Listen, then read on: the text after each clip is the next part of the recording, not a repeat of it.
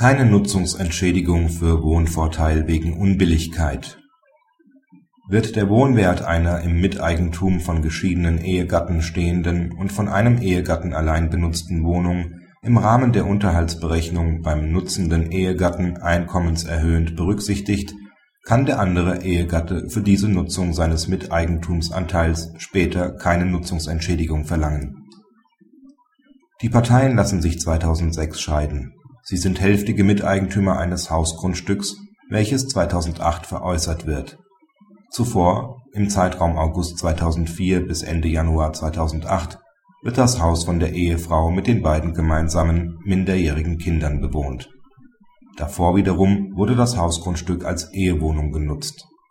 Während der Trennung verlangte die Ehefrau Trennungsunterhalt vom Ehemann und dieser Nutzungsentschädigung für die Benutzung seines Miteigentumsanteils an dem Hausgrundstück.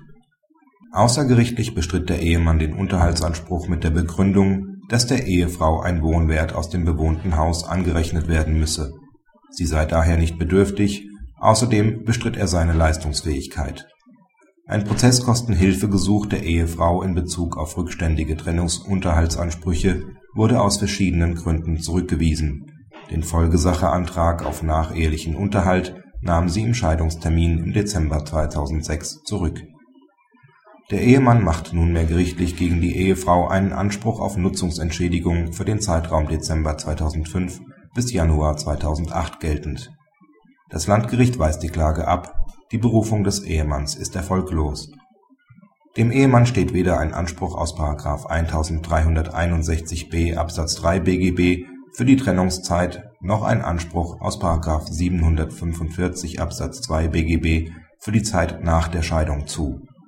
Es widerspricht dem Gebot der Billigkeit, dem Ehemann Nutzungsentschädigung zuzusprechen. Ein Anspruch auf Nutzungsentschädigung kann grundsätzlich nur dann als angemessen angesehen werden, wenn die mit der Benutzung der gemeinschaftlichen Wohnung verbundenen Vorteile nicht schon auf andere Weise zwischen den Ehegatten berücksichtigt worden sind. Die Parteien haben die fortdauernde Nutzung der bisherigen Ehewohnung durch die Ehefrau bereits bei der Ermittlung eines etwaigen Trennungsunterhaltsanspruchs und auch eines etwaigen nachehelichen Unterhaltsanspruchs als einkommenserhöhenden Wohnvorteil berücksichtigt. Daher ist es unbillig, dem Ehemann eine Nutzungsentschädigung zuzusprechen Außerdem ist nicht auszuschließen, dass die Ehefrau bei einer Verpflichtung zur Zahlung von Nutzungsentschädigung unterhaltsbedürftig wird, da der Ehemann für die streitgegenständliche Zeit keinen Unterhalt geleistet hat. Dann ist die Zuerkennung einer Nutzungsentschädigung erst recht unbillig.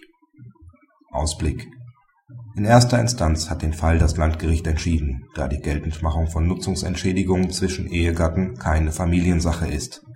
Nach Inkrafttreten des FamFG zum 1.9.2009 werden diese Angelegenheiten genauso wie Ansprüche auf Gesamtschuldnerausgleich zwischen Ehegatten von den Familiengerichten entschieden werden